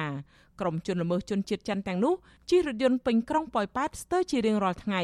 ដោយគ្មានអាជ្ញាធរណាអើពើចាប់ខ្លួនពួកគេឡើយលោកស្រីបន្តថាលើសពីនេះ ក្រុមអ ுக ្រិតជនចិនក៏បានផ្ញើសារគម្រាមតាមរយៈកូនលោកស្រីឈ្មោះធីតាឲ្យគ្រួសារលោកស្រីបញ្ឈប់ការប្តឹងផ្តល់ពួកគេតទៅទៀត គេមិនចាប់ទេបើគេចាប់ចាប់បានហើយព្រោះចិនវាជិះឡានរាល់ថ្ងៃហ្នឹងចិននេះមានលុយច្រើនហើយបិទមាត់គេអស់ហើយសូម្បីតែគេឃើញក៏គេដែរជិះដែរគេមិនធ្វើឲ្យឲ្យពួកខ្ញុំទេពេលវាយកូនខ្ញុំខ្ញុំទៅតន់គាត់ច្បាស់អតិកាគេថាប្រវក់គេប្រវក់គេអត់ទៅច្បាស់លាស់ឲ្យចិនទៅវាដាក់អសរចិនមកវាបកប្រែមកតាមខ្មែរវាថាវាអស់លុយច្រើនណាស់ចង់ធ្វើអីធ្វើទៅអញ្ជើញជួបគ្នានៅតុលាការវានិយាយចឹងវាថាវាមានក្នុងធំធំណាធ្វើអីវាមិនកើតទេ លោកស្រីរ៉ានីរិះគន់ថាដោយសារមេខ្លោងជន់ដៃដល់សម្បូរលុយបែបនេះហើយទើបធ្វើឲ្យអាជ្ញាធរមិនអើពើចាប់ជនល្មើសនិងជួយរកយុត្តិធម៌ជូនគ្រួសារលោកស្រី កាលពីថ្ងៃទី2ខែមិនិនាជនជាតិចិនមួយក្រុមមានគ្នាជាង10នាក់និងក្រុមសន្តិសុខជាង20នាក់បានសម្រុកចូលក្នុងផ្ទះលោកស្រីរ៉ានីព្រួតវាយកូនលោកស្រីឈ្មោះធីតានិងកូនប្រសាជាម្ចាស់ហាងកាត់សក់មួយកន្លែងនៅក្រុងប៉ោយប៉ែត លោកស្រីរ៉ានីអះអាងថាក្រុមជនដៃដល់ទាំងនោះមានកំភ្លើងខ្លីដំបងឆក់ញញួរនិងដែកបំពង់ព្រួតវាយដំទាត់ធាក់កូនលោកស្រីឈ្មោះធីតានិងកូនប្រសាររបស់គាត់ទាំងកំរោលបណ្ដាលឲ្យបាក់ធ្គាមនិងរងរបួសធ្ងន់លោកស្រីរ៉ានីឲ្យដឹងទៀតថាមកដល់ពេលនេះកូនប្រសារលោកស្រីមិនទាន់បានធូរស្រាលនៅឡើយទេដោយសារតែមានឈាមកកនៅក្នុងខួរក្បាល។ ចំណែកឯកូនស្រីឈ្មោះធីតាវិញលោកស្រីរ៉ានីអះអាងថាកំពុងមានសុខភាពទ្រុឌទ្រោមយ៉ាងខ្លាំងនិងក្អកធ្លាក់ឈាមជាប្រចាំកូនស្រីខ្ញុំនេះអក ឈាមក្អួតឈាមថ្ងៃនេះក៏ឈាមសិលថ្ងៃក៏ឈាមឥឡូវនេះទៅបែរគេឲ្យតែឆ្នាំមកទេអារឿងធ្លាក់ឈាមហ្នឹងវាអត់បាត់ទេនៅតែធ្លាក់ឈាមហ្នឹងកុំឲ្យនិយាយទៅកុំឲ្យតែយើងឆាប់ទឹកមាត់រៀងខ្លាំងគឺមកឈូមកអឺអ្នកណាប្រហោះរឿងហ្នឹងអធិការហៅទៅបិទមាត់ម្នាក់20ម៉ឺនជារឿងរបស់គេតែចំពោះអ្នកដែលជួយខ្ញុំនៅខាងខ្ញុំខ្ញុំនៅតែហៅលើកដៃអំបកគេទាំងអស់ឲ្យជួយខ្ញុំពេលហ្នឹងវិទ្យុអស៊ីសេរីមិនអាចតាក់ទងស្នងការដ្ឋាននគរបាលខេត្តបន្ទាយមានជ័យលោកសិតឡោះ និងស្នងការរងនគរបាលខេត្តបន្ទាយមានជ័យទទួលបន្ទុកជនអន្តោប្រវេសន៍លោកអេងលីហួរដើម្បីសាកសួរបន្ថែមអំពីបញ្ហានេះបានទេនៅថ្ងៃទី29មិនិនាដោយទូរស័ព្ទហៅចូលជាច្រើនដង តែគ្មានអ្នកទទួលចំណែកឯអ្នកនាំពាក្យស្នងការដ្ឋាននគរបាលខេត្តបន្ទាយមានជ័យលោករ៉ែមវីរៈប្រាប់វិទ្យុអេស៊ីស្រីយ៉ាងខ្លីថាសមត្ថកិច្ចបានចាប់សន្តិសុខជាជនជាតិខ្មែរម្នាក់បញ្ជូនទៅបន្តនីតិវិធីនៅតុលាការហើយ។ ទេវធីវ៉ាន់គួរវ៉ាល់មិនអាចនិយាយបានទេអូនសូមសូមបិទប៉ុណ្ណឹងណាខ្ញុំគុំធ្វើការជាមួយនឹងការងារជំនាញទីខ្ញុំធ្វើអូនណាសូមអធិស្ឋានណាជុំវិញរឿងនេះមន្ត្រីសម្របសម្រួលសមាគមការពារសិទ្ធិមនុស្សអាត់ហុកប្រចាំខេត្តបន្ទាយមានជ័យលោកសុំច័ន្ទគាមានប្រសាសន៍ថាការព្យាយាមលាក់បាំងព័ត៌មានបែបនេះអាចមានការខົບខិតប្រព្រឹត្តអំពើពុករលួយជាប្រព័ន្ធលោកបន្តថាក្នុងករណីជនជាតិចិនប្រើអំពើហិង្សាឃោរឃៅលើពលរដ្ឋខ្មែរបែបនេះអាជ្ញាធរត្រូវតែឈរលើភាពអព្យាក្រឹត និងពន្លឿននីតិវិធីក្នុងការស៊ើបអង្កេតចាប់ក្រុមអ ுக ្រិតជនទាំងអស់មកដាក់ទោសឲ្យបានធ្ងន់ធ្ងរតាមច្បាប់បែរទៅជាជនដែលប្រព្រឹត្តហើយមានកាមេរ៉ាថតជាប់អីដឹងទាំងមុខសញ្ញាដឹងហើយបែរទៅជាជននោះមិនទាន់បានទទួលទោសទណ្ឌទៅតាមនីតិវិធីច្បាប់អ្វីដែលចំពោះមុខទៀតយើងមើលឃើញជាប្រសិនបើមិនមានចំការទៅលើជនប្រព្រឹត្តនឹងជួយសម្រួលជួយសម្រួចដើម្បីឲ្យជននោះអីរួចខ្លួនរួចប្រាណហ្នឹងវាអំពើមួយខៅអំពើនិទនភាព មន្ត្រីសង្គមស៊ីវិលរូបនេះបន្ថែមថាបើអាជ្ញាធរមិនអាចចាប់ក្រុមជនដៃដល់ទាំងនោះនឹងឆ្លុះបញ្ចាំងកាន់តែច្បាស់ថាអាជ្ញាធរពិតជាអសមត្ថភាពនិងជះផលអាក្រក់ដល់សង្គមកាន់តែខ្លាំងទោះជាយ៉ាងណាលោកស្រីរ៉ានីថាតុលាការខេត្តបន្ទាយមានជ័យនឹងកោះហៅឲ្យគ្រួសារលោកស្រីចូលខ្លួនបំភ្លឺជាថ្មីទៀតនៅថ្ងៃទី1ខែមេសាខាងមុខប៉ុន្តែលោកស្រីមិនសង្ឃឹមថាតុលាការខេត្តនេះនិងអាជ្ញាធរពាក់ព័ន្ធ អាចចាប់ក្រុមជនល្មើសបាននោះទេដោយសារលោកស្រីយល់ថាក្រុមអាជ្ញាធរទាំងនោះអាចមានជាប់ពាក់ព័ន្ធពីការទទួលលុយបំបិតមាត់ពីក្រុមអ ுக ្រិតជន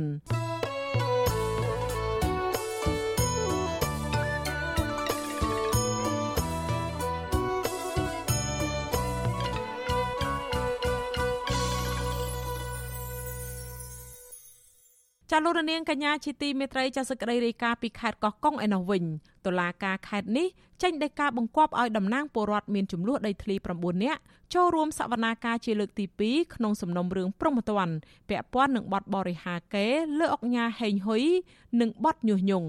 មន្ត្រីសិទ្ធិមនុស្សដែលតាមដានរឿងនេះស្នើតុលាការពិនិត្យមើលសំណុំរឿងនេះឲ្យបានច្បាស់លាស់និងទម្លាក់ចោលការចោទប្រកាន់លើតំណាងពលរដ្ឋព្រោះរឿងរ៉ាវទាំងនេះផ្ដើមចេញពីចំនួនដីធ្លីដែលអាជ្ញាធរមិនបានដោះស្រាយជូនប្រជាពលរដ្ឋ ចាប់ពីរដ្ឋធានី Washington លោកសនច័ន្ទរដ្ឋារាយការណ៍អំពីរឿងនេះ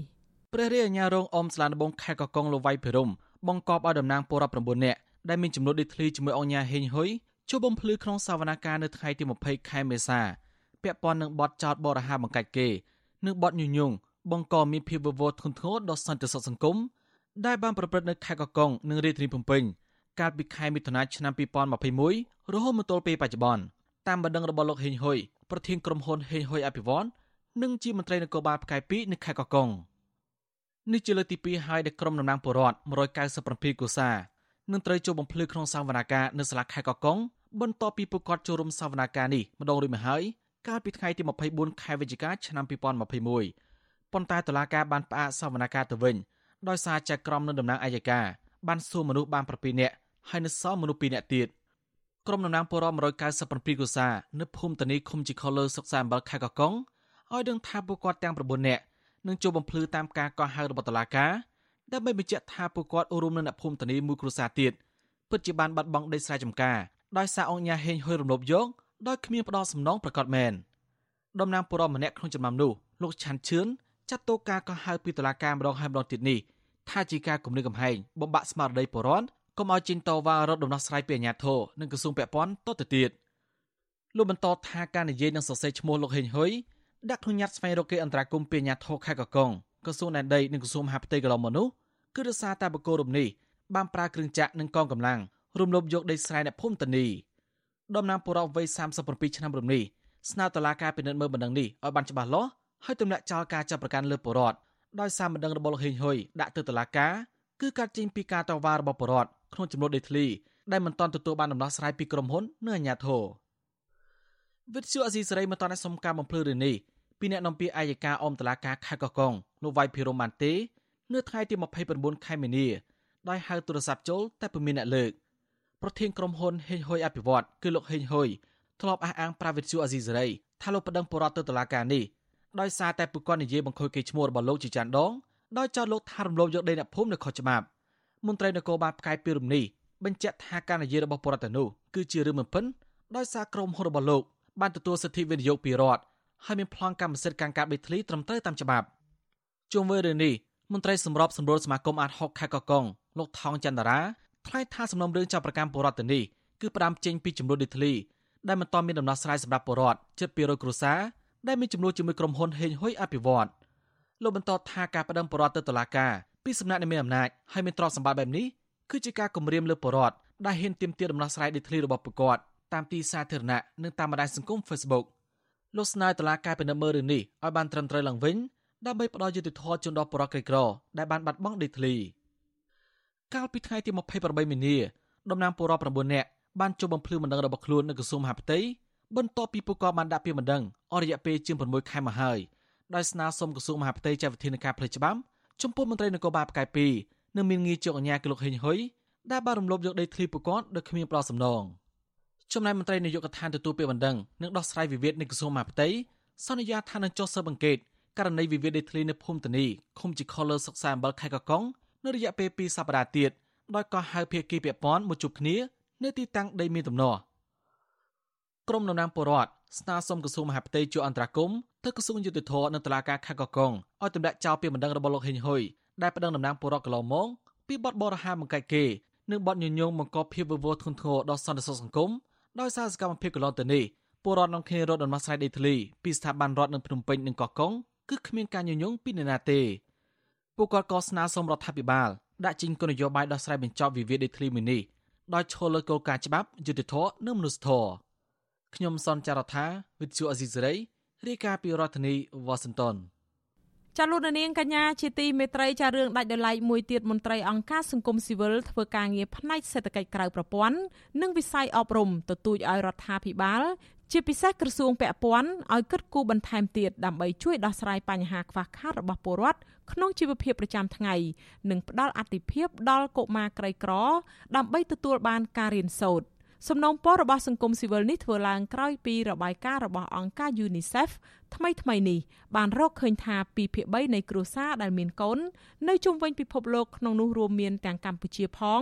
បានបាត់បង់ប្រាក់ចំណូលក្នុងអំឡុងការរាតត្បាតជំងឺ Covid-19 រយៈពេល2ឆ្នាំកន្លងមកនេះចំណែកកុមារក្នុងគ្រួសារក្រីក្រវិញក៏មិនបានរៀនសូត្រត្រឹមត្រូវនោះដែរ របាយការណ៍មិនបានបញ្ជាក់ប្រាប់ពីចំនួនក្រុមគ្រួសារសរុបដែលបានស្រាវជ្រាវនោះទេ ចាប់ពីរដ្ឋធានី Washington អ្នកស្រីម៉ៅសុធានីមានសេចក្តីរាយការណ៍អំពីរឿងនេះអង្គការ UNICEF និងធនាគារពិភពលោកអះអាងថាការបាត់បង់ប្រាក់ចំណូលនេះបានធ្វើឲ្យមនុស្សពេញវ័យនៅក្នុងគ្រួសារមួយក្នុងចំណោម4គ្រួសារដែលមានកូនក្នុងបន្ទុកត្រូវអត់អាហារមួយថ្ងៃឬក៏ច្រើនថ្ងៃដោយសារតែខ្វះខាតប្រាក់ទិញម្ហូបអាហារ ក្នុងរបាយការណ៍ថ្មីមួយស្ដីពីផលប៉ះពាល់នៃជំងឺ Covid-19 ទៅលើសុខុមាលភាពរបស់គ្រួសារដែលមានកូនហើយដែលបានចេញផ្សាយកាលពីថ្ងៃទី11ខែមីនាកន្លងទៅនេះអង្គការ UNICEF និងធនាគារពិភពលោកបានប្រមូលទិន្នន័យនៅក្នុងប្រទេសចំនួន35ក្នុងនោះរួមទាំងប្រទេសកម្ពុជាផងដែលបានបង្ហាញថាក្រុមគ្រួសារដែលមានកូនចាប់ពី3នាក់ឡើងទៅ បានបាត់បង់ប្រាក់ចំណូលច្រើនជាងគេបំផុត ហើយជាង3ភាគ4នៃក្រុមនេះកំពុងជួបប្រទះការធ្លាក់ចុះប្រាក់ចំណូលទៅតែទាំងស្រុងបើធៀបទៅនឹងក្រុមគ្រួសារដែលមានកូនម្នាក់ឬក៏ពីរនាក់ ចាចំណែកនៅប្រទេសកម្ពុជាវិញ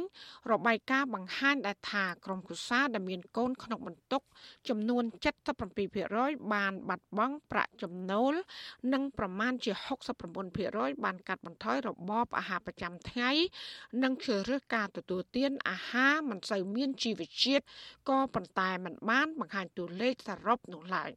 ចំណែកចំនួនប្រាក់ចំណូលដែលបាត់បង់នោះក៏មិនបានបញ្ជាក់ពីចំនួនប៉ុន្មាននោះដែរ ប៉ុន្តែការកំណត់ខ្សែបន្ទាត់ភាពក្រីក្ររបស់ក្រសួងផែនការ គឺរកបានប្រាក់ចំណូលក្រោម2ដុល្លារក្នុងមួយថ្ងៃចាតតទៅនឹងការលើកឡើងនេះប្រធានសមាគមសេដ្ឋកិច្ចក្រៅប្រព័ន្ធលោកវុនពៅឲ្យដឹងថាក្នុងអំឡុងពេលរាតត្បាតនៃជំងឺ Covid-19 ជាង2ឆ្នាំមកនេះ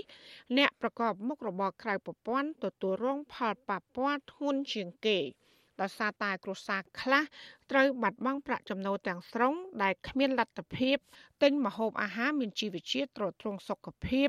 សម្រាប់ការទទួលទានប្រចាំថ្ងៃបានឡើយ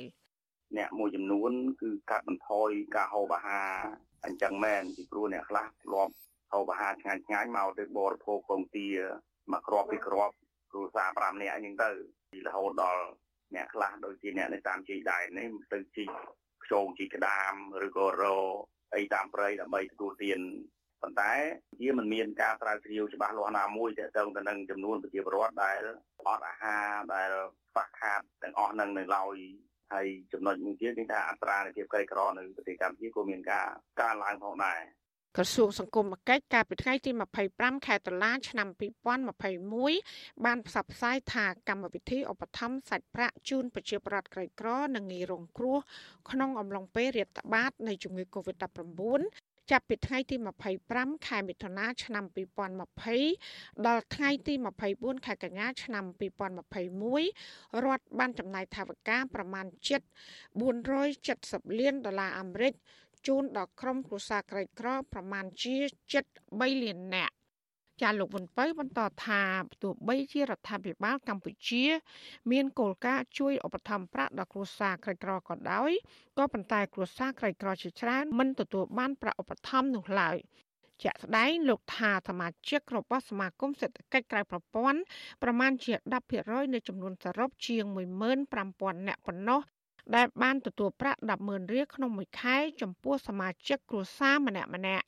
ចាលោកក៏បានសំណូមពររដ្ឋាភិបាលជាពិសេសក្រសួងពាក់ព័ន្ធខិតខំដោះស្រាយបន្ថែមទៀតជួយស្ដារស្ថានភាពរស់នៅរបស់ពួកគាត់ឲ្យបានល្អប្រសើរជាងមុនអ្វីដែលជាការសំណូមពរទៅរដ្ឋាភិបាលទីមួយគឺរដ្ឋាភិបាលត្រូវគិតគូរឡើងវិញអំពី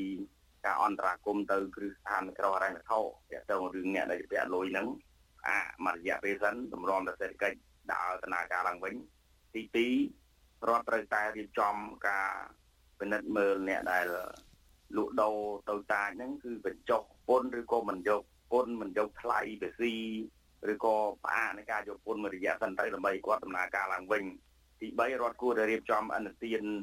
ណាមួយសម្រាប់ជាកម្ចីដែលគ្មានការប្រាក់សម្រាប់អ្នកធ្វើការវិស័យសេដ្ឋកិច្ចក្រៅប្រព័ន្ធទាំងអស់ហ្នឹងហើយទី4គឺរដ្ឋត្រូវមានមូលនិធិផ្ដល់ជូនប្រជាពលរដ្ឋដោយមិនរើស មុខឬដោយមិនប្រកាន់បាក់ពួកចាដឡៃពាក់ព័ន្ធនឹងវិស័យអប់រំវិញ របាយការណ៍របស់អង្គការ UNICEF ដដែលក៏បានរកឃើញថានៅកម្ពុជាកុមារចំនួន50%គ្មានលទ្ធភាព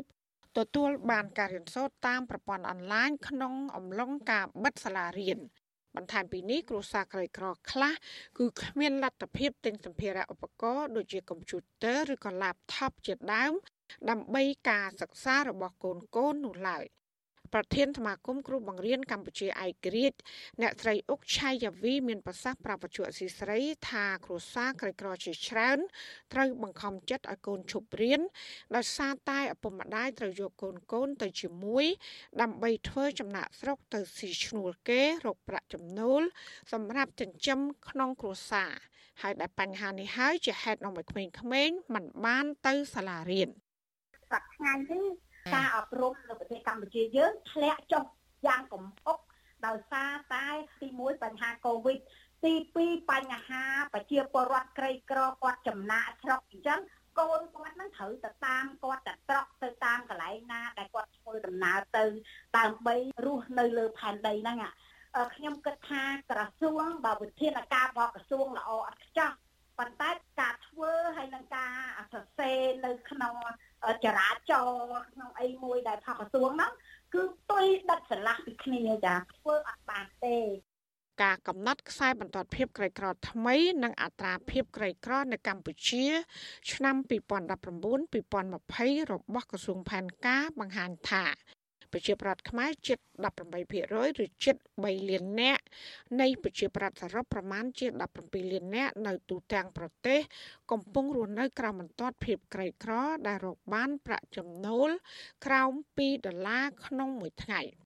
ចាអង្គការ UNICEF ប្រចាំកម្ពុជា សង្កត់ធ្ងន់ថាទោះបីជារដ្ឋាភិបាលកម្ពុជាខិតខំប្រឹងប្រែងកាត់បន្ថយផលប៉ះពាល់អវិជ្ជមានទាំងនេះក៏ដោយ ក៏ប៉ុន្តែផលប៉ះពាល់ដល់កុមារមិនបានលុបបំបាត់ទាំងស្រុងនោះឡើយរដ្ឋាភិបាលកម្ពុជាត្រូវពង្រឹងពង្រីកសេវាគាំពារសង្គមដើម្បីផ្ដល់ឱកាសដល់កុមារអាចទទួលបានការអប់រំ ការថែទាំសុខភាពអាហារូបត្ថម្ភនិងសេវាសង្គមដទៃទៀតដែលត្រូវការចាំបាច់សម្រាប់ការធំលូតលាស់របស់កុមារចាននាងខ្ញុំម៉ៃសុធានីវិទ្យុអាស៊ីស្រីប្រធានាធិបតី Washington thank you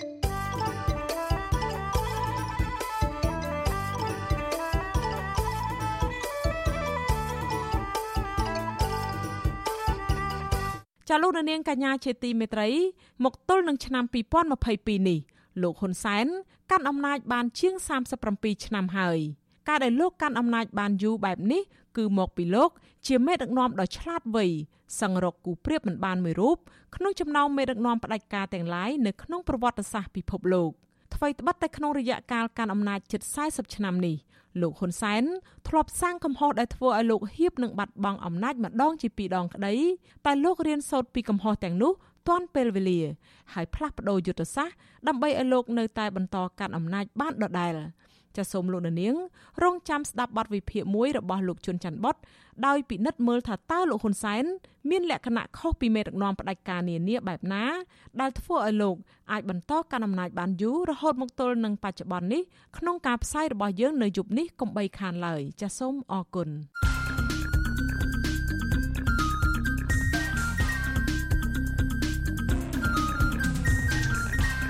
បទសំភារ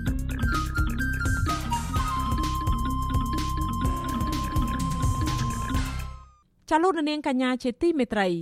មន្ត្រីសិទ្ធិមនុស្សអន្តរជាតិមើលឃើញថាដោយការបង្គាប់ឲ្យចាប់មេកងអង្គរៈលោកនាយករដ្ឋមន្ត្រីហ៊ុនសែនក្នុងសំណុំរឿងនៅពីក្រោយករណីគប់ក្របបែកលើក្រុមបាតកោដឹកនាំដោយលោកសំរងស៊ីកាលពី25ឆ្នាំមុនចេញដោយតុលាការបារាំងគឺជាចំណុចចាប់ផ្ដើមមួយនៃកិច្ចខិតខំប្រឹងប្រែងរបស់អន្តរជាតិដើម្បីនាំយកអ្នកប្រព្រឹត្តអំពើរំលោភសិទ្ធិមនុស្សធ្ងន់ធ្ងរនៅកម្ពុជាមកទទួលខុសត្រូវតាមច្បាប់ មន្ត្រីរូបនោះក៏សម្គាល់ថាលោកហ៊ុនសែនអាចប្រឈមទៅនឹងដីកាបង្គាប់ឲ្យចាប់ខ្លួនមិនខុសពីមេកងអង្គរៈរបស់លោកដែរប្រសិនបើលោកមិនព្រមចូលឆ្លើយបំភ្លឺក្នុងសំណុំរឿងគប់ក្របបែកកាលពីឆ្នាំ1997នៅតុលាការបារាំងនាពេលអនាគតក្នុងពេលដែលលោកអស់អំណាចទៅចាជាបន្តទៅនេះសូមអញ្ជើញលោកនាងស្ដាប់បទសម្ភាសន៍ភាគបញ្ចប់ របស់លោកមានរិទ្ធជាមួយនាយកទទួលបន្ទុកកិច្ចការតំបន់អាស៊ីនៃអង្គការឃ្លាំមើលសិទ្ធិមនុស្សអន្តរជាតិ Human Rights Watch លោក Brett Adams ជុំវិញរឿងនេះដូចតទៅ បាទយើងបានដឹងតាមរយៈមេធាវីរបស់លោកសំរងស៊ីគឺលោកព្យាអូលីវីសៀដែលលោកបានថ្លែងប្រាប់ទីភ្នាក់ងារសារព័ត៌មានបារាំង AFP តាក់ទងទៅនឹងដីកាបង្គាប់ឲ្យអនុវត្តដីកាបង្គាប់ឲ្យចាប់ខ្លួនមេកងអង្គរៈលោកនាយរដ្ឋមន្ត្រីហ៊ុនសែនចេញដោយតុលាការបារាំងនៅពេលនោះ បានមេធាវីរូបនោះបាននិយាយថាប្រព័ន្ធយុត្តិធម៌របស់បារាំងកំពុងតែឈានទៅសម្រាប់សេចក្តីនៅក្នុងរឿងនេះប្រឆាំងទៅនឹងលោកហ៊ុនសែនហើយបាទមេធាវីរូបនោះបន្តថាបើគុំតែដោយសារអភ័យឯកសិទ្ធិរបស់គាត់ទេកុំអីលោកហ៊ុនសែនคล้ายទៅជាអ្នកដែលឈរនៅក្នុងរង្វង់កញ្ចក់សេះជំនួសឲ្យកូនចៅរបស់គាត់បាត់ទៅហើយខ្ញុំចង់ដឹងថាតើលោកមើលឃើញអំពីលទ្ធភាពនៃការកោះហៅលោកហ៊ុនសែន មកឆ្លើយបំភ្លឺនៅក្នុងសវនាការលើអង្គសេចក្តីក្នុងសំណុំរឿងគប់ក្របបែកនេះវាអាចប្រព្រឹត្តទៅរួចបានប៉ុណ្ណាដែរនៅពេលអនាគតនោះបាទ I mean I expect that ខ្ញុំរំពឹងថានៅថ្ងៃដែលលោកហ៊ុនសែនចុះចេញពីអំណាចប្រសិនបើលោកនឹងធ្វើដូច្នេះមែនតែតាមពិតទៅយើងមិនដឹងទេថាតើគាត់ពិតជាមានផែនការចុះចេញពីតំណែងហើយឲ្យកូនរបស់គាត់ឡើងកាន់តំណែងបន្តវេនពីគាត់ឬក៏ថា តើគាត់នឹងនៅកាន់តំណែងនេះរហូតដល់គាត់ស្លាប់ឬយ៉ាងណានោះគឺយើងពិតជាមិនដឹងនៅឡើយទេ គឺថាមេធាវីបារាំងរូបនេះនឹងត្រឡប់មកតុលាការវិញ ហើយស្នើឲ្យតុលាការក៏ហៅលោកហ៊ុនសែនមកឆ្លើយបំភ្លឺជុំវិញរឿងនេះពេលនោះប្រសិនបើលោកហ៊ុនសែនខកខានមិនបានបង្ហាញខ្លួននៅតុលាការបារាំងនោះគាត់នឹងដើរតាមគន្លងមិនខុសពីករណីលោកហ៊ីងប៊ុនហៀងនិងលោកហ៊ុយពិសិដ្ឋនេះអញ្ចឹងមានន័យថា ពេលនោះហើយលោកហ៊ុនសែននឹងត្រូវប្រឈមនឹងដីកាបង្គាប់ឲ្យចាប់ខ្លួនរបស់តុលាការបារាំងខ្ញុំមើលពុំឃើញមានហេតុផលណាដែលថាមេធាវីបារាំងរូបនោះនឹងមិនស្នើឲ្យតុលាការធ្វើដូច្នោះនោះទេ ហើយក៏គ្មានហេតុផលណាដែលថាហេតុអីបានជាតុលាការបារាំងពេលនោះនឹងមិនចេញដីកាកោះហៅលោកហ៊ុនសែនដែរព្រោះថាតុលាការធ្លាប់លើកឡើងថាលោកហ៊ុនសែនពេលនេះ កំពុងត្រូវបានការពារដោយអភ័យឯកសិទ្ធិការទូតរបស់លោកក៏ដោយបាទអញ្ចឹងមានន័យថាលុះត្រាណាតែលោកហ៊ុនសែននឹងចុះចេញពីតំណែងទើបតឡាការបារាំងអាចចេញដោយការកោះហៅឲ្យលោកចូលមកបំភ្លឺនៅក្នុងរឿងនេះបានចុះចំណែកឯកិច្ចសហការតាមផ្លូវច្បាប់ជាលក្ខណៈអន្តរជាតិវិញ តើតឡាកាបារាំងអាចចេញដោយការកោះហៅលោកហ៊ុនសែននៅពេលដែលលោកធ្វើដំណើរមកចូលរួមកិច្ចប្រជុំកំពូលពិសេសអាស៊ានអាមេរិកនៅលើទឹកដីអាមេរិកនាពេលខាងមុខនេះបានដែរទេហើយបញ្ជូនដីកានោះឲ្យសហរដ្ឋអាមេរិកជាអ្នកអនុវត្តនោះបាទទេមិនដូច្នេះទេខ្ញុំចង់ឃើញតុលាការបារាំងធ្វើដូច្នេះដោយសារតែខ្ញុំជឿថាគាត់ជាអ្នកទទួលខុសត្រូវចំពោះអំពើវាយប្រហារដ៏រន្ធត់នេះ ក៏ប៉ុន្តែតុលាការបារាំងបាននិយាយច្បាស់ហើយថាពួកគេនឹងមិនធ្វើដូច្នេះទេ ពួកគេគិតថាឋានៈការទូតរបស់គាត់ផ្ដល់ឲ្យគាត់នៅអភ័យឯកសិទ្ធិក្នុងអំឡុងពេលគាត់កាន់អំណាចដូច្នេះខ្ញុំមិនគិតថាអាចនឹងមានរឿងដូចនេះកើតឡើងទេក៏ប៉ុន្តែខ្ញុំក៏ចង់លើកឡើងដែរថានេះគឺជាការបកស្រាយរបស់រដ្ឋាភិបាលបារាំងវាមិនមែនមានន័យទាំងស្រុងថាលោកហ៊ុនសែនពិតជាមានអភ័យឯកសិទ្ធិការទូតនោះទេ ការនេះអាចប្តឹងទាស់បាននៅតុលាការបារាំងនៅថ្ងៃណាមួយ អ្នកដឹងទេប្រទេសនីមួយៗត្រូវតែសម្រេចថាតើត្រូវផ្ដល់អភ័យឯកសិទ្ធិការទូតដល់ប្រមុខរដ្ឋាភិបាលនីមួយៗនៅពេលដែលពួកគេធ្វើដំណើរទៅក្រៅប្រទេស ហើយប្រទេសភាគច្រើនធ្វើដូច្នេះមែនដោយសារតែពួកគេគិតថានៅពេលពួកគេចាប់ខ្លួននាយករដ្ឋមន្ត្រីនៃប្រទេសណាមួយនោះមេដឹកនាំរបស់ពួកគេក៏អាចរងនឹងការចាប់ខ្លួនវិញដែរ នៅពេលដែលពួកគាត់ធ្វើដំណើរទៅក្រៅប្រទេសលក្ខនឹងលក្ខប៉ុន្តែមិនមែនមានន័យដូចគ្នាស្មើនឹងអ្នកការទូតដែលមានការទទួលស្គាល់ជាផ្លូវការដែលពួកគេមានអភ័យឯកសិទ្ធិការទូតនោះទេនេះគឺជាជំរើសដែលរដ្ឋាភិបាលសម្រេចក្នុងការផ្ដល់អភ័យឯកសិទ្ធិការទូតដល់មន្ត្រីរដ្ឋាភិបាលដែលធ្វើដំណើរនៅក្រៅប្រទេសបាទអញ្ចឹងតើដោយការបង្គាប់ឲ្យចាប់ខ្លួនរបស់តុលាការបារាំងនៅពេលនេះ អាចប៉ះពាល់យ៉ាងម៉េចខ្លះដែរដល់រូបភាពរបស់លោកហ៊ុនសែនជាពិសេសនៅពេលដែលលោកអញ្ជើញចូលរួមកិច្ចប្រជុំកំពូលពិសេសជាមួយក្រុមមេដឹកនាំអាស៊ាននៅឯកិច្ចប្រជុំកំពូលពិសេសអាស៊ានអាមេរិកដែលនឹងធ្វើនៅលើទឹកដីអាមេរិកនាពេលខាងមុខនេះបាទយើងនឹងធ្វើឲ្យរឿងនេះត្រូវបានគេដឹងឮជាទូទៅក្នុងចំណោមអ្នកកសែតដូចជារូបលោក ជាពិសេសក្នុងចំណោមប្រព័ន្ធផ្សព្វផ្សាយអន្តរជាតិថា ប្រធានបដូវវេនអាស៊ានត្រូវបានគេចោទប្រកាន់ដោយប្រយោលពីសំណាក់តុលាការបារាំងថា បានប្រព្រឹត្តអំពើសម្លាប់មនុស្សទ្រង់ទ្រាយធំប្រកាសណាស់ថាលោកធ្លាប់បានរងនៅការចោទប្រកាន់បែបនេះពីសំណាក់ក្រុមមនុស្សជាច្រើន ក្នុងរយៈពេលជាច្រើនឆ្នាំមកហើយជំវិញរឿងរ៉ាវជាច្រើនលោកធ្លាប់ត្រូវបានក្រុមអង្គការមិនមែនរដ្ឋាភិបាលចោទប្រកាន់ពាក់ព័ន្ធនឹងសំណុំរឿងគប់គ្រាប់បែកនេះ។ លោកក៏ធ្លាប់ត្រូវបានចោទប្រកាន់ពាក់ព័ន្ធនឹងការសម្លាប់មនុស្សយ៉ាងច្រើននៅក្នុងព្រឹត្តិការណ៍មុននឹងក្រោយការបោះឆ្នោតឆ្នាំ1998ការស្លាប់អ្នកកាសែត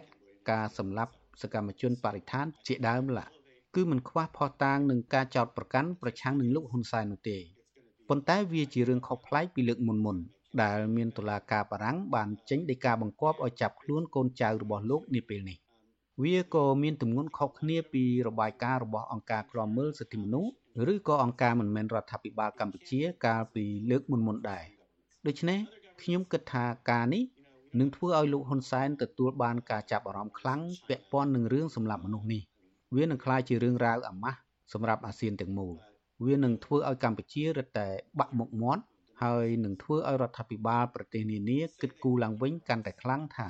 តើពួកគេត្រូវមានទំនាក់ទំនងបែបម៉េចជាមួយលោកហ៊ុនសែនវាលែងជាទំនាក់ទំនងដោយប្រក្រតីទៀតហើយសម្រាប់រដ្ឋាភិបាលមួយចំនួនរដ្ឋាភិបាលមួយចំនួនទៀតយើងដឹងហើយមានដូចជារដ្ឋសមាជិកអាស៊ានចិនឥណ្ឌាអីជាដើមពួកគេមិនសូវខ្វាយខ្វល់ពីបញ្ហាអស់ទាំងនេះទេហើយពួកគេនឹងមានទំនាក់ទំនងដោយប្រក្រតីជាមួយមេដឹកនាំកម្ពុជា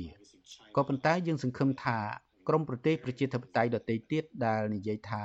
ពួកគេយកសិទ្ធិមនុស្សធ្វើជាចំណុចស្នូលនៃគោលនយោបាយការបរទេសរបស់ខ្លួន និងពិចារណាឡើងវិញថាតើពួកគេត្រូវមានទំនាក់ទំនងបែបម៉េចជាមួយលោកហ៊ុនសែនបាទជាចុងក្រោយនេះតើលោកមានអ្វីចង់បន្ថែមក្រៅពីអ្វីដែលខ្ញុំបានសួរលោកទេបាទ No I I only ទេខ្ញុំគ្រាន់តែចង់និយាយថា នេះគឺជាចំណុចចាប់ផ្ដើមនៃកិច្ចខិតខំប្រឹងប្រែងដើម្បីនាំយកជនណាម្នាក់នៅកម្ពុជាក៏ដូចជានៅកន្លែងផ្សេងទៀតនៅលើពិភពលោកឲ្យមកទទួលខុសត្រូវចំពោះការប្រព្រឹត្តអំពើរំលោភសិទ្ធិមនុស្សធ្ងន់ធ្ងររបស់ពួកគេវាស្ទើរតែអញ្ចឹងទៅហើយនៅកម្ពុជាប្រសិនបើជនណាម្នាក់នៅក្នុងជួរគណៈបកប្រជាជនកម្ពុជាឬក៏កងកម្លាំងសន្តិសុខជននោះអាចសម្លាប់ក្រុមអ្នកតវ៉ាអំពីសិទ្ធិការងារសម្លាប់សកម្មជនបរិស្ថានសម្លាប់អ្នកកាសែត សម្រាប់អ្នកនយោបាយប្រឆាំងដោយរួចទោសទណ្ឌទាំងស្រុងដរាបណាជននោះនៅក្នុងក្រុមនោះគឺគេអាចធ្វើដូច្នេះបាន ការនេះគឺផ្ទុយទៅនឹងនីតិរដ្ឋដូច្នេះទង្វើដូច្នេះត្រូវតែបញ្ចប់ប្រហែលជាករណីនេះអាចបើកផ្លូវឆ្ពោះទៅរកការទាមទារឲ្យមានការទទួលខុសត្រូវនិងយុត្តិធម៌នៅកម្ពុជាហើយយើងនឹងបន្តរងចាំមើលតទៅទៀតបាទសូមអរគុណលោកបាទបាទអរគុណ ចាលោកនាងកញ្ញាជាទីមេត្រីលោកនាងទៅបានស្ដាប់បទសម្ភាសភាគបញ្ចប់របស់លោកមានរិទ្ធជាមួយលោក Brad Adams ជំវិញរឿងដែលតុលាការបារាំងចេញដីកាកោះហៅលោកនាយករដ្ឋមន្ត្រីហ៊ុនសែននៅពេលដែលលោកអស់អំណាចឲ្យចូលបំភ្លឺក្នុងសំណុំរឿងគប់ក្របបែកកាលពី25ឆ្នាំមុនចាសសូមអរគុណ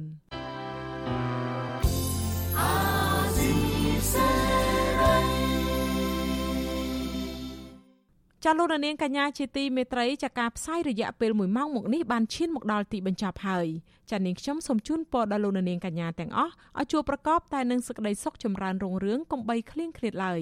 ចាសម្រាប់ពេលនេះនាងខ្ញុំខែសុណងព្រមទាំងក្រុមការងារទាំងអស់នៃវិទ្យុអាស៊ីសេរីសូមអរគុណនិងសូមជម្រាបលា